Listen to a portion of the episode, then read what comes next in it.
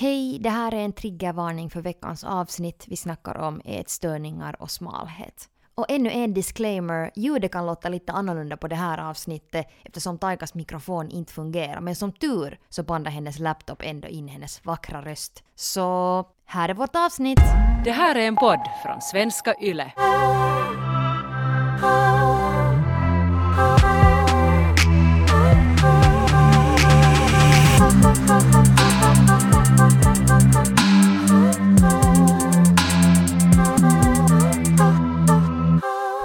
Taika, hur har ni sett på smalhet i din familj när du har vuxit upp?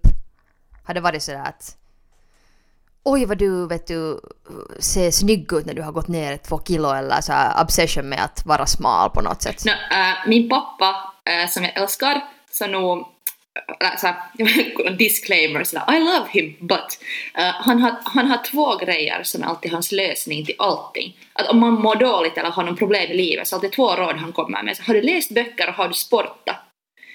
Och, och det är liksom, det har ingen skillnad om, om du har burnout och är jättetrött eller om du har brutit benet eller, eller någon kille har dumpat dig eller någonting. Så det är alltid, no, men har du läst böcker? Har du sportat? För det är på något sätt så som han har lärt sig själv att copa. Och eh, i många, många skeden av mitt liv, då jag har varit fast själv ganska obsessed med att sporta eller banta eller att på något sätt gå ner i vikt och vara smal, så då när det har kommit från det hållet bara sådär, aha okej okay, du mår dåligt, uh, du är jättesmal men har du kommit ihåg att sporta? Men kanske just det där att fast det inte är en obsession med smalhet så är det ändå det att liksom träna och vi ändå sätter ihop träning, eller jag sätter i alla fall ihop träning och smalhet eller hälsa och smalhet. Just att det kan lätt sen bli ganska samma grej. Att om jag tränar så blir jag bättre, blir jag smalare eller så. Min mamma var alltid så att om jag hade gått ner i vikt så poängterade hon alltid det. Och så vet du, att, att det var inte liksom en bra sak att bli smal. Eller så att liksom vara för smal på något sätt. Ja men hur poängterade din mamma det? Vad sa hon till dig när du gick ner i vikt? No, hon var bara sådär, nej men nu har du nog, nu har du nog ätit lite dåligt igen vet du. Att det var bara såhär liksom att hon eh, en morgon när jag kommer ner till köket och sen tycker hon att jag har gått ner i vikt. Eller just en gång när jag var jättesjuk och jag hamnade in på sjukhus och blev jättesmal där på sjukhuset så var alltid sa hon sa att, att jag liknar ett rådjur för jag är så smal. Att hon på något vis, det, det var inte någonting som var sådär att Vet du, att jag till exempel hörde inte henne säga att usch vad jag har blivit tjock. Eko visst har jag hört henne säga det! Jag inser det nu att hon har exakt sagt att herregud vad jag har blivit tjock. Ja. Men hon har inte ändå, ja, det var inte kanske så att medvetet, en medveten obsession i vår familj, men nog ändå kanske sådär att det är ändå bäst att vara smal och man vill inte bli för tjock heller. Min mamma alltid banta. Det var en sån här grej. Att, att det kändes sådär att hon på alltid bantade och vi hade hemma någon här viktväktarbroschyrer och jag lärde mig via henne liksom att hon räknade någon sån grejer man fick äta. Och att det var en sån och vi hade massa light-produkter hemma för att, liksom, för att det var hela tiden en sån dröm om att bli smalare fast hon inte, hon, hon inte började, fast hon inte började tala om det kanske högt sådär för mig. Att alla mina kompisars mammor också banta hela tiden. Att det var någonting som, som syntes sådär att, att pappor kanske sporta men men de också så åt vanligt, men mammor kunde laga just någon så här bantningsmat eller ha någon så här bantningsmellanmålssnacks, någon så här dietsnacks. Ja.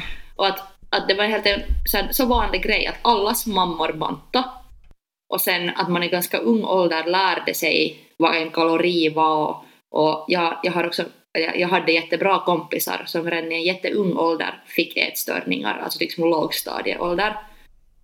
Mm. Så det kom nog hemifrån på ett jättestarkt sätt. Och jag minns också att min mamma använde det som ett äh, pedagogiskt grepp, att man sätt peka ut tjocka människor. Så att, till exempel att hon sa att hon försökte äh, få mig att bli rädd för rökning. Att hon försökte från en ganska ung ålder varna mig om att rökning är farligt.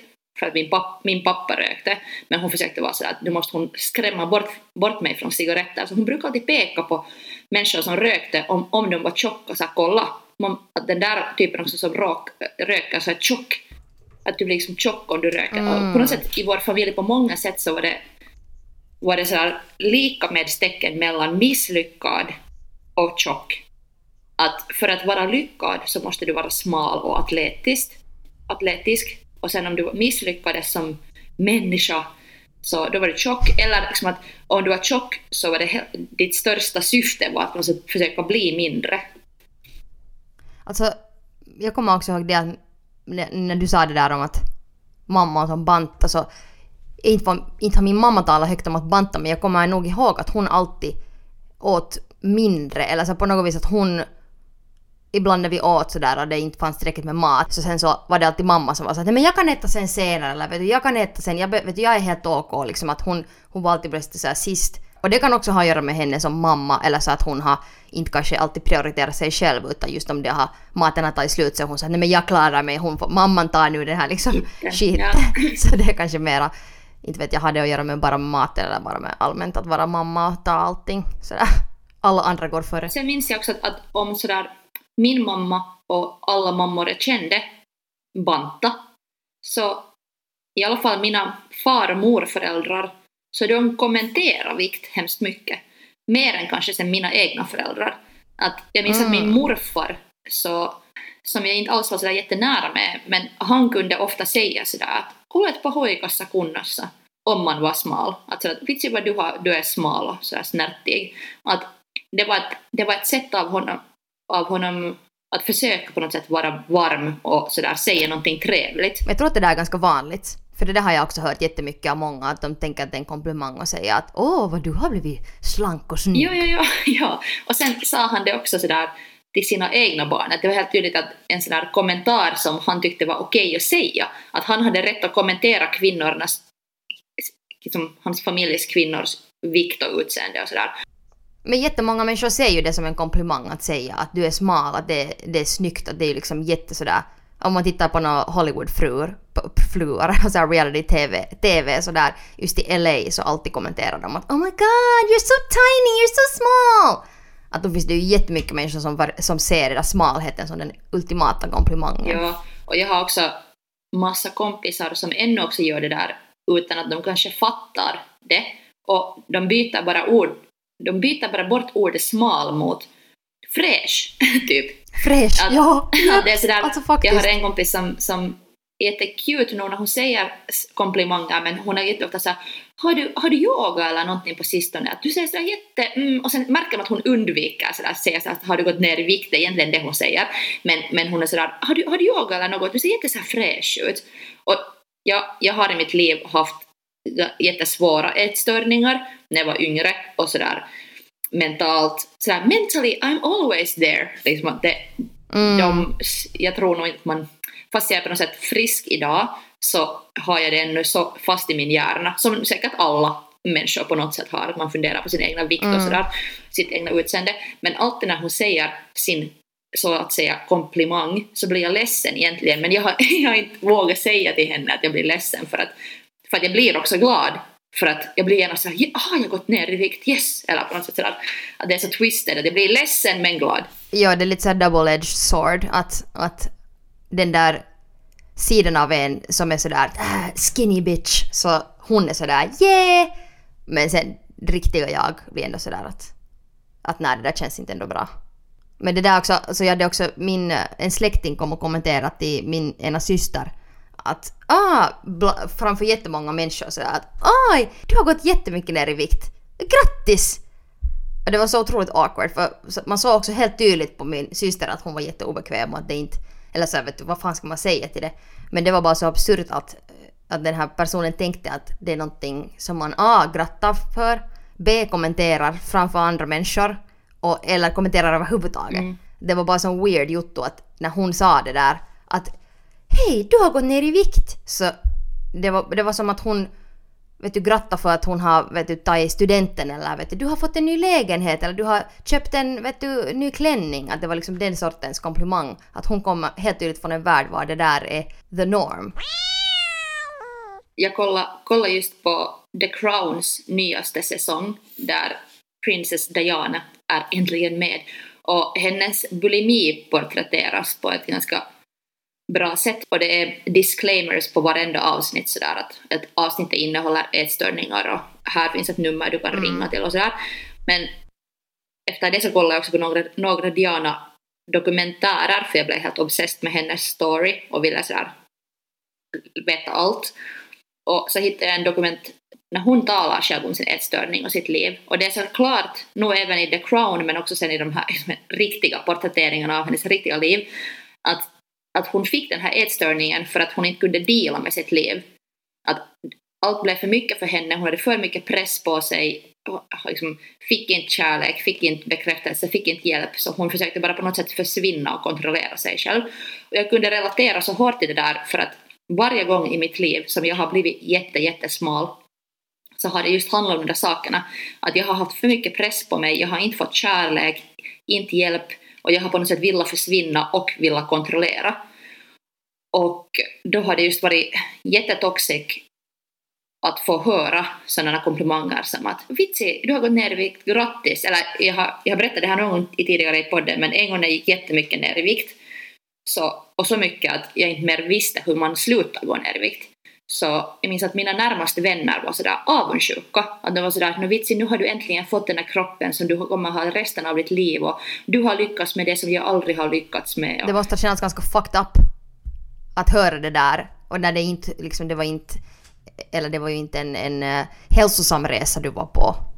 Och sen får du höra en massa komplimanger. Så hur fucked känns det inte i ens hjärna? På något sätt skulle jag ha då velat bli det, det fattade jag inte då så mycket men, men i efterhand är det ju lätt att säga vad jag behövde. Men jag skulle ha behövt att bli sedd, jag skulle behövt att någon skulle ha hjälpt mig, jag skulle behövt att någon skulle säga hej vad händer med dig, vad, vad, vad, är, vad är orsaken till det här, kan vi hjälpa dig? Det var ett rop på hjälp och det var en orsak av så mycket andra grejer men sen tyvärr tyvärr så just att ingen i min familj vågade göra någonting och just att min pappa var bara sådär har du sportat? Och, och det tog jätteont för att det enda jag gjorde var ju att typ sporta en grej som var liksom jättedålig för mig just någon gång när jag var typ 19, 20, 21 var att väga mig. Mm.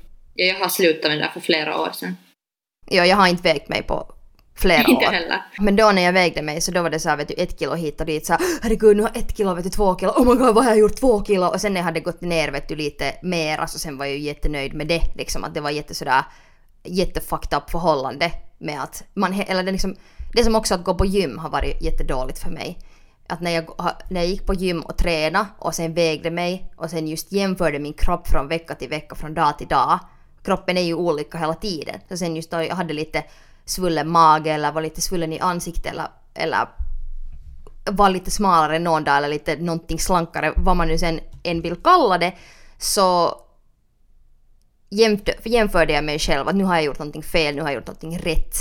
Och så här kontroll just av ens kropp och att vara bättre och sämre beroende på hur ens kropp ser ut.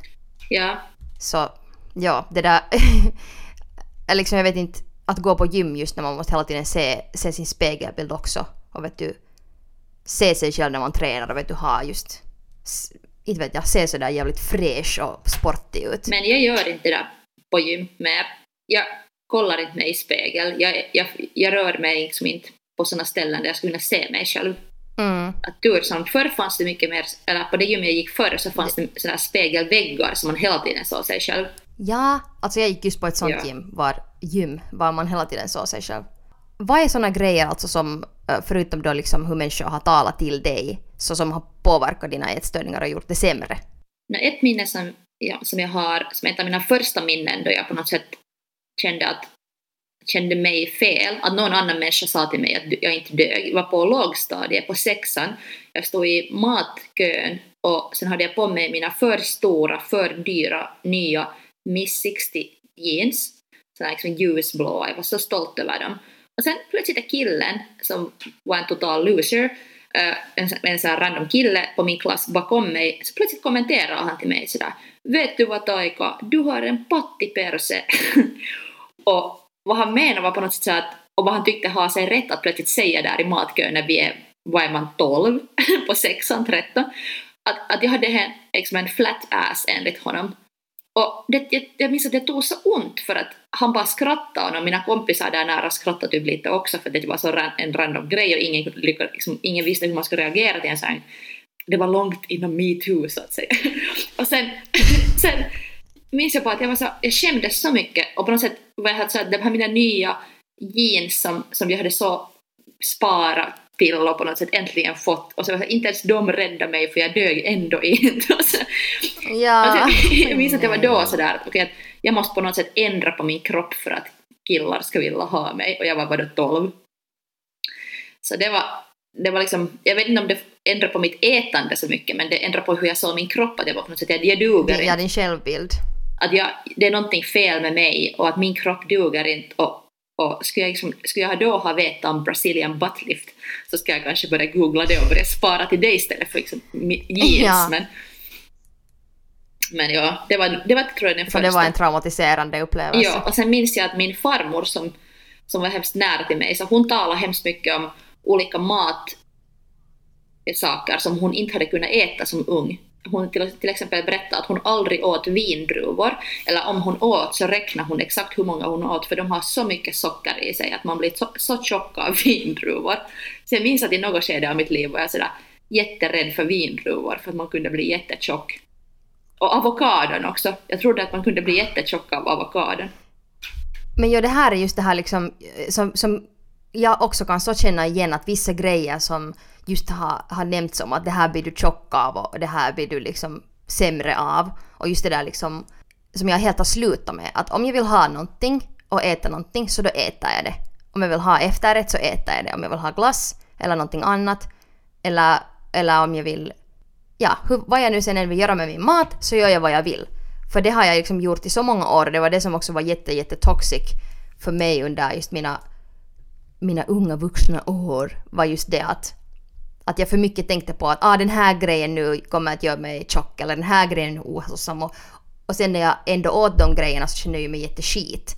Att jag liksom satt så här standarder för mig själv hela tiden att det här ska du inte göra och sen när jag inte lyckades uppnå de standarderna så var jag ju jättemisslyckad och då har jag ju liksom bekräftat det här narrativet av att jag inte räcker till. Någonting som jag gjorde för en ganska kort stund sedan när träffa på en tjej som jag inte ens känner så jättebra så började jag plötsligt bara småtolka om vikt för att det bara kom ur mig. Eh, för det gällde en grej som hon hade varit med i ett TV-program som, som sådär porträtterar också på ett sätt viktnedgång. Och sen började jag småtolka med henne om vikt och tala lite om det programmet och sen i något skede märkte jag att hon blev lite obekväm och måste sticka från den här situationen. Och sen efteråt var jag såhär, oj nej, att jag vet, hon den här tjejen har helt haft Äh, ätstörningar, hon har talat jätteöppet om dem och det är liksom en stor grej i hennes liv och att det var inte alls ett passande ämne för någon slags smalltalk på gatan. Och då kändes jag jättemycket över mig själv och var sådär att, åh, att, att jag skulle inte för jag vet själv också hur jag kan bli så sådär obse- obsessed med mina kompisar om de säger någonting om min vikt eller någonting. Och ännu sen, ännu sen just, jag tycker det är just värre med sådär halvbekanta eller obekanta främlingar. Ja, nej det, det går inte. Men vad fick dig att börja vilja tala om det? Eller vad, vad, var, vad var det som gjorde att du, du spottade ur dig just det? No, för att jag hade inte så mycket annat att tala med henne om, vi känner inte varandra så bra och jag hade sett en annan människa som hon känner bättre som har varit också med i det här TV-programmet som hon hade varit med i. Så att på något sätt, det var liksom vår gemensamma nämnare att jag hade sett den där andra typen och sen började jag förklara, jag såg den där typen men, men den här typen så, såg inte alls mer ut så att den hade gått ner i vikt som, som kanske den borde gjort i det där programmet, alltså någon sån här jätteidiotiskt Oj liksom. nej! Och, sen, sen hon blev så obekväm så hon var sådär haha, no, jag ser säkert inte heller ut så mer men jag var nog då jättesmal. Alltså det var, det var så en hemsk diskussion. Nej! Och det var, och det var precis bara mitt fel, den där diskussionen. Och sen just efter det var jag såhär va? Har jag inte lärt mig någonting? Liksom. Ja, det säger ganska mycket om hur just uh, hur liksom ätstörningar, jag som inte ens räknar att jag har, en, har haft en ätstörning men ändå ett komplicerat förhållande till mat och min vikt och mig själv. Så hur lätt, alltså det där människan som är obsessed med smalhet sitter liksom alltid där bakom hjärnan och väntar Hii! att när är en liksom bra stund. Och, och för, för dig också att du ändå liksom är i ett helt annat skede nu än vad du har varit tidigare. Och, men ändå så kräver det inte mycket, du har ingenting att tala om och sen plötsligt kommer ditt liksom, ätstörningsmonster fram och eller inte vet jag, var det ens det eller var det bara det att det var någonting och sen blev det jättetoxic automatiskt eller, eller var det någon slags obsession som kom från ett förflutet? Alltså, så här? en grej som jag måste medge var, eller en grej som jag måste medge uh, som förklarar lite mitt sätt var att den där typen, vår gemensamma bekanta som jag hade sett, så är en kille. Och den här min kompis som jag träffade på gatan är en tjej. Och jag tror att jag skulle aldrig, jag, sk- jag skulle aldrig ha börjat snacka om vikt med den här tjejen. Men när jag först lite började sådär på ett skämtsamt sätt dissa den här killen, att jag är så fucked up att jag tycker att det är okej att dissa killar och att Jag sa skit nu i honom. Ja, att det, det är inte så... Alltså, den här killen såg inte så smal ut mer. Att det var på något sätt därför att där måste jag skärpa mig. Att, för jag har lärt mig nog så mycket att jag skulle inte snacka om vikt med tjejer, om tjejers vikt. Men på något sätt att dissa en killes vikt, det är liksom... Jag måste nu säga att jag tycker inte alls att det är okej, men på något sätt i den stunden så blottade jag mitt sanna jag, att det bara kom så här manshat ur mig. Jag bara så, "Haha, en kille, han bara... Men vet sen- du vad? Jag har också en sån teori att det här är nu din social awkwardness. För att när du blir så obekväm så jag tror också att ibland, för jag gör det också, att vad som helst att tala om nu så att det här inte ska vara awkward, alltså att man vill kommunicera med en människa på något vis, göra den bekväm eller jag vet inte vad fan, men det är någon sån konstig social grej. Så ibland börjar man att säga jättedumma saker för att man bara vill fylla tystnaden eller, eller vet du så att man säger saker som man inte ens kanske vet du, helt tror på. Eller så att jag tror inte att det där är något ditt inre som har kommit fram eller så, att, så hur du på riktigt tänker ditt manshat. Jag tror, inte, jag tror att det där är bara liksom social awkwardness. Har jag helt fel? No, du har, alltså jag, jag, det var mitt social awkwardness, men jag, det är någonting som jag måste skärpa mig med och lära mig om mig själv, att jag har tyckt att det är mer okej att skämta om killars Ja. vikt. Jag har inte sett det som en lika kän, liksom, känslig grej. Kanske för att det är hemskt mycket män i mitt liv som då har fått mig att känna mig piss på grund av min vikt eller mitt utseende. Uh, så sen tycker jag att det är på något sätt okej att skratta tillbaka eller någonting. Och- Och det tycker jag liksom in- egentligen inte alls. Att inte, jag skulle inte vilja snacka med någon människa om vikt på det viset för att det är en orelevant diskussion oftast på så många sätt. Att, att på något sätt jag gjorde, nu gjorde jag ett misstag som jag vill lära mig av. Att jag, vill inte, jag vill inte göra sådär mer och jag vill inte vara den här typen. Nej, för det känns ju inte kiva. Om någon skulle tala så om dig eller, eller så att... Och allmänt bara att kanske man inte ska någonsin tala om människors vikt. Det är ju en Ja. sån här bra gyllene regel så här som är bra att säga nu här i podden som en disclaimer till alla lyssnare men också till varandra. Att man ska inte kommentera på människors vikt och, och liksom utseende, punkt. Ja, Det, det eliminerar alla så här awkward diskussioner eller awkward så här att vet du hur långt kan man gå, vad kan man säga i en sån diskussion? Säg bara ingenting. En grej som har påverkat mig jättemycket har nog varit att nu ha kanske mera mångsidigare förebilder än bara de där Victoria's Secret supermodellerna. Att det är liksom du har i din feed och i din omgivning människor som ser ut på olika sätt och olika varianter och sen, ja, sen ser man allt möjligt och alla möjliga olika kroppar och allt blir mera liksom the norm och att just det där smala inte det enda idealet. Allting liksom ser ju så mycket annorlunda ut nu än för fem år sedan eller tio år sedan. Att just i mode och i TV, alla musiker, stora artister, så det är inte mer sådär att de ska vara pinsmala utan människor ser mycket hälsosammare ut nu för tiden. Mm. Och jag tror, att det, jag tror att det är mycket på grund av att internet har demokratiserat så mycket grejer. Att, Ja, exakt. Att, sådär, olika kroppstyper uh, har blivit mer, mer synliga, till exempel på Instagram och, och sådär. Att Japp. jag också, när jag var yngre så jobbade jag jättelänge, eller jättelänge men det kändes så för det var mitt första riktiga jobb. Men jag jobbade länge på en modetidning och jag jobbade med att leja, och, leja den här tidningen, eller grafisk designer. Så nästan alla modeller vi hade och nästan alla kvinnor i den här tidningen var jättesmala bara. Att Mm. Det är också någonting som nu när jag läser modetidningar så är det så skönt att märka att inte i alla, men i många så har det skett också en stor förändring. Och att, att det är så olika, eller många märken satsar hårt på det, de ska ha olika sorters kropptyper och olika sorters människor på catwalk och i deras kampanjer. Och fast det också ibland Det är liksom standarden nu. Ja, fast det ibland kan vara mer en sån här imago-grej än kanske att, att syns det sen i deras värderingar. Ja. Har de på riktigt kläder i, i alla storlekar i sina butiker eller har de bara på de där bilderna? Att det är också en, det, det är också en lite annan grej. Det finns mera, liksom vad vi ser nu, så är ju mycket mer mångsidigt, att olika sorters kroppar. Och det känns, det påverkar mig också så mycket. Jag tycker det är så kiva att se också att det finns liksom vad som Lizzo till exempel och att Rihanna inte är mer så pinsmal, Beyoncé inte mer liksom pinsmal. Och det här är nu kanske dumt att bli och hacka upp sig på hur människor ser ut och att de har tidigare varit smalare eller whatever. Men det känns ändå jätteskönt att inte alla de största idolerna och stjärnorna som leder liksom så här den kulturella världen, att de inte är sådär helt tydligt obsessed med att vara smala. Någonting som jag tycker är ännu också så konstigt är att mång, många helt vanliga klädmärken uh, inte har storlekar. Att just att den här representationen sen på riktigt ändå inte når den där, att, att de inte bara tänker på alla sorters konsumenter. Att, jag snackade just med en kompis att, hon, att det finns många så här kedjor som hon inte alls kan köpa någonting från för att de, deras kläder slutar vid large. Mm. Och large är liksom, jag menar, det vad människor räknar som large och small och medium så det liksom motsvarar inte normen. Nej, alltså jag är large. Och grejen är den att jag ryms, jag ryms just och just i många märkens den största storleken. Och det känns så sjukt, för att jag har liksom massa vänner som är mycket större än jag och så är jag bara så att, att det är så fräckt att, att de ska ha så mycket svårare att hitta kläder. Och sen också när man snackar om så här ekologiskt mode så där också nog att de flesta ekologiska märken också har hemskt små storlekar. Att, att det är hemskt svårt också att vara ekologisk om du inte om du inte har, om du bara inte hittar kläder. Och sen faktiskt minns jag en grej när vi var i bastun med mina kompisar för länge sedan och en av mina kompisar var modell. Och efter att vi hade varit i bastun tillsammans, och det här kanske tio år sedan eller sex, sju år sedan, så sen efter det var hon så vitsig att det var jätteviktigt för henne att se oss alla nakna.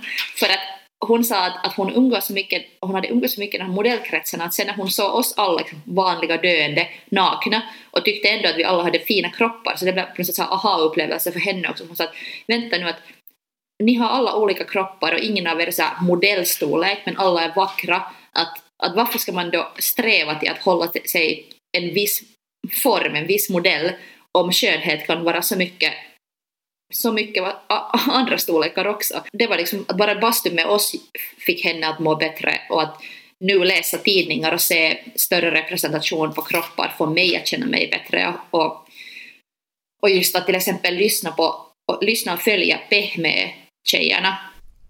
Mm.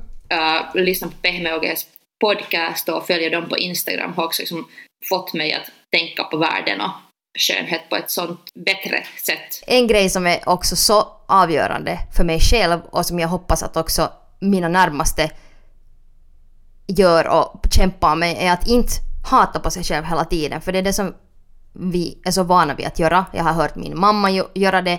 Alla mina vet du, syskon, alla vet du, så här, dissar sig själva och sitt utseende hela tiden. Det är en sån här vana som vi har. Eller just det att man också öppet bland barn till exempel är sådär att usch vad jag har blivit tjock och usch vad jag, vet du, att usch vad jag är fläskig och vet du, allt sånt här. Så det är just, just det att istället försöka ge mera komplimanger till sig själv och öppet så som ni då i bastun vet du, så att åh oh, vad skönt att se och ni är alla så snygga liksom och kanske det är lite awkward där i bastun bara så herregud ni är alla så heta. Kanske inte just i den stunden men, men så att fila sin kropp öppet, lika öppet som man då hatar den också så det har en så positiv effekt på en själv och sen på människor omkring en. Alltså vara snäll med sig själv. Men någonting som är jätteviktigt för att kunna fila sig själv är att rymmas i kläder. Och det är sant. just sådär, du har också sagt till mig sådär att du har, slu, du har för olika orsaker men slut, sluta ha för spända byxor. Så för att din fuse ska få må bättre, men också för att du, mm -hmm. du ska känna dig bättre.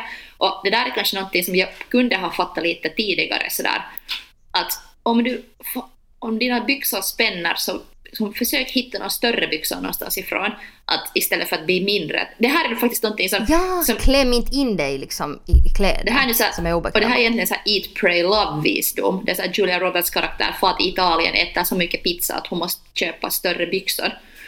Och sen är det bara en livsvisdom liksom att, no, att bli inte mindre utan köp större byxor. Men, mm. men just det där att, att om man vill... Jag börjar må så skit om jag inte ryms i någon kläder. Och just det där om, ibland om, om ett klädmärke slutar vid sådana storlekar att jag inte nästan ens ryms i dem. Jag tänker hur det känns för någon som inte ens liksom hittar kläder som ryms på en överhuvudtaget. Att du har inte ens en möjlighet att gå och köpa en storlek större för det finns inte för dig. Nej, och sen där borde man kanske mer också satsa på att bojkottera sådana brand som har bara för, Ja. för små storlekar och stöd, stödja sådana brand som på riktigt uh, ta, gör det där jobbet att, att ha kläder för alla. Äh, jag har en kompis som jobbar med ett klädmärke och hon var modell för dem. Och min kompis är plus size, jag vet inte ens vad man ska kalla henne, hon är fabulous, men hon, hon rym, rymdes inte in i något av det här märkets kläder. Så när hon skulle vara modell för det här märket så sydde de specialkläder för henne. Och sen hade de henne som modell, så det verkar sen när hon var som modell att det där märket skulle ha kläder för tjejer som hon. När det egentligen inte alls var sant. Att, jo, att det, liksom, det var ju bara en sån fake image. Liksom att, att de använde henne som modell, sydde upp kläder för henne som hon och sen fick behålla, men det var ju bara hon. Det var ju bara, sen bara hon som hade den storleken. Inte hade de den storleken i butiken. Oh my god, det där är ju sjukt, det där borde vara olagligt. Usch vad hemskt, man försöker bara, din enda poäng som ett företag är att försöka mjölka ur liksom bara så att oj vi är så eh, liksom relevanta och vi vet vad som är liksom the thing och sen har du inte ens de produkterna. Så att det där är så här, de, sådana människor borde avlivas direkt, tycker jag. Alltså direkt. Ja. direkt. kanske du- kan till och med klippa bort när jag sa plus size, för att jag tycker att det är så ett, en problematisk term. För att det gör ju, Mm. att man kallar någon modell eller någonting för plus size, så då är det alltid att... Eller då är, Överloppskilo. ja, eller då, Det är ju liksom överlopps plus size. Ja, och sen det, det betyder... Du, ja, du är ovanför det normala. Det, liksom, det säger att du, du är någonting fel på dig. Ja, och det är just det, det normaliserar ju inte. För att då betyder det att det är inte normalt, utan det är på något sätt större än det normala. Och till exempel när någon så här stora märken som Chanel hade på sin catwalk för något ett år sedan, sin första plus size modell och sen kallades hon just det plus size modell. blah. Så jag minns att jag blev helt sådär, vad i helvete att hon är typ mindre än jag. Att jag har nog aldrig kallat mig för plus size. liksom att, att det, det är så äck, Men det är så äckligt. sjukt. Det är så sjukt. Det är så sjukt. För den här standarden är helt, helt orealistisk och helt absurd att det ska vara liksom vad, vad någon har bestämt i något skede att det här är nu de storlekarna som är, är, är liksom de som vi har nu valt och det här är den här klubben om du inte hör till den här storleken så får du inte vara med. jag märker att om jag hittar ett märke som, som har liksom ganska bra med storlekar och jag är storlek M, så då känner jag mig bra. Att om jag kan ha den där M-storleken och sen ryms jag, och det klämmer inte utan det känns bara bra. Så då, det, här, det är så här konstigt, men då känner jag mig lyckad och sådär bekväm för att på något sätt jag identifierar mig i den storleken. Jag tycker jag är så här mellanstorlek. Eh, Mhm. Och sen, sen blir det genast svårare för mig om det är märken som jag är så här L eller inte ens ryms i L, för då, då blir jag bara på något sätt sådär att herregud, hur liten ska man vara? Att, Ja, att det, det, det, är bara- det känns jobbigt och det är bara så dumt, men då, jag, jag, får helt problem om jag plötsligt ändå så här. Och det kanske handlar om just det där som man, när man är yngre ålder bara stod på vågen hela tiden. Att sen storlekar har blivit den nya vikten på något sätt. Jag börjar också fundera på det liksom att jag har kanske också haft lätt att hitta ett bekvämt förhållande till min kropp också för att jag passar in någorlunda i den här, i den här liksom, inom de här ramarna. Att jag känner mig sådär accepterad, jag känner mig ändå som att jag är ganska nära det som man ska vara. Ja, du, kan gå, du kan gå in i vilken butik som helst och hitta kläder där. Ja, och det är ju ett, ett, ett enormt privilegium att kunna göra det. Och just att sen när man är såhär att oh, men jag är så body positive, I'm so comfortable with myself och kanske jag är bekväm med mig själv bara på grund av att jag passar in i de måttena och jag behöver inte liksom struggla med det där. Att jag, eller på, från den vinkeln, jag har ju mina egna osäkerheter, jag har ju liksom och, och mina problem är också valid och mina, mina obsession med, eller det som jag har gått igenom. Men det är ju ändå mycket lättare för mig. Ja, och nu är det jättelätt för mig också. Att sådär, mina problem är också ganska små. Att jag ibland måste köpa en L-storlek. Herregud. liksom. Ja, det, men det är ändå alltid, alltid ju liksom eh, i förhållande till ens egna issues. Att det är fucked up. Det är därför det, det är liksom ett, ett spel man inte kan vinna på. Att de som är i, liksom inne i de här ramarna, så de känner sig skit och de som är utanför de här ramarna känner sig skit. Att det är ett system som inte överhuvudtaget funkar. För att ingen blir ju självsäker av att liksom måste passa in i de här mindre, vet du, medium, större, mycket större och så vidare. en av... Det- Vi måste ha ett nytt system, Taika. Ja. Istället för vet du, storlekar så är det typ så här, okej du, är, du är liksom banan och vet du, du är ett, vet du, en kvist eller vet, nej nej, inte, alltså det ska inte representera formen på de här sakerna. jag- Det var så fel. Jag tänkte på typ, vet du, du är en en fisk och du är en, vet du, en säl och vet du, du är en, någonting annat. Jag tror att vi måste ändå lite sli, slipa på den här idén. Jag tror inte att jag vill vara en säl eller en fisk. Men Varför kom jag på så dåliga saker? Det var inte alls, alltså, det är bra med brainstorming Ronja, men, men det här... det är bra. Det finns, eh, det finns inga dåliga idéer men det finns också, dina idéer var ganska dåliga. Ja. Jag vet inte, jag ska säga någonting. Äh, men okej, jag kan säga det att, att, att som jag har insett under den här diskussionen uh, är att jag gör någonting hemma just nu hela tiden som är jättetoxic och om jag inte slutar med det så blir jag liksom den där mamman som bantar hela tiden någon gång eller blir den där farmorn som kommenterar om vindruvor för jag har märkt att jag går omkring till min kille som är min safe zone och han är också, måste jag säga, orsaken till att varför jag nu för tiden ens kan äta. För att när jag fick kärlek av honom eh, på ett sätt som jag aldrig hade fått innan så lärde jag mig att äta och började liksom slapp min ätstörning eller lärde mig att komma från den så mycket som man nu kan komma ur en ätstörning och på något sätt har blivit mycket, mycket bättre. Men eftersom jag känner mig så bekväm med honom, han känns så trygg för mig, så går jag omkring, jag går omkring jämt och är sådär oj, jag känner mig tjock, jag vill bli smalare. Att, och han, jag vet att det är jättejobbigt för honom för sen måste han alltid bara vara såhär nej men du är, jättefin, du är jättefin och bla bla bla. Och sen att, att jag på något sätt, det, det är någonting nog som jag måste sluta med. Att jag måste sluta Det är någonting som, och jag tror också att det är någonting som du kan, du kan välja att säga, inte säga fula saker. För det, man kan inte sådär kontrollera sina osäkerheter, vara såhär var bättre! Men du kan kontrollera vad du säger om dig själv. Det är just det som, eller det som jag har också insett, hur fucking hemsk jag har varit mot mig själv. Och det är jätte också jobbigt för andra att lyssna på när någon annan är hemsk mot sig själv. Ja, och sen om jag gör det hela tiden, att då normaliserar jag Ja. också sådär att det här är så som man får tala om mig och min kropp.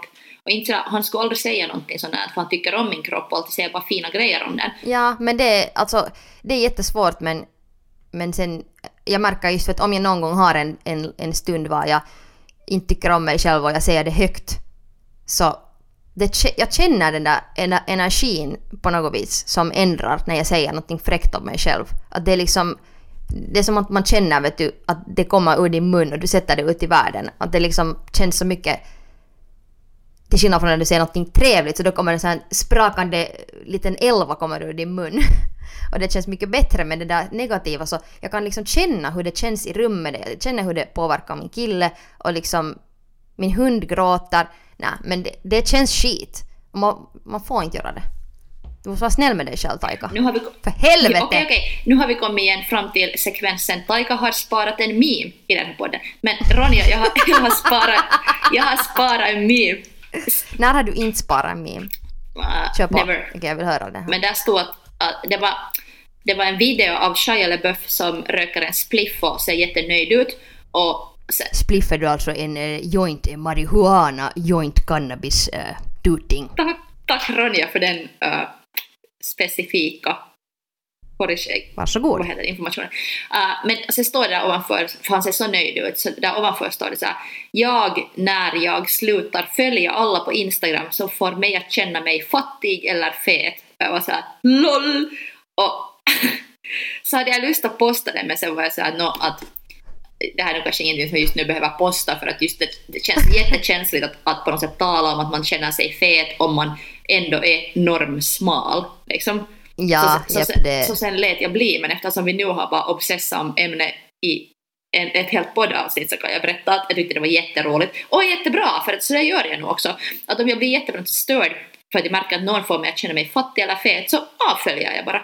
Och så hittar jag istället människor Mm. som jag får mig att känna mig vacker och som inspirerar mig till olika outfits med olika kroppar som inte är såna pinsmala eller, eller någon som äh, Alla bara vita, smala, Rika, blonda tjejer. Kanske någon gång en brunett, om man är riktigt vild så en liten rödhåring. ja, med mycket pengar. Bra! Nej men det var ju dagens uh, terapisession. Ja, tack. Tack Taika. Tack Ronja. Och kom ihåg, och kom ihåg att... Get fuck yourself!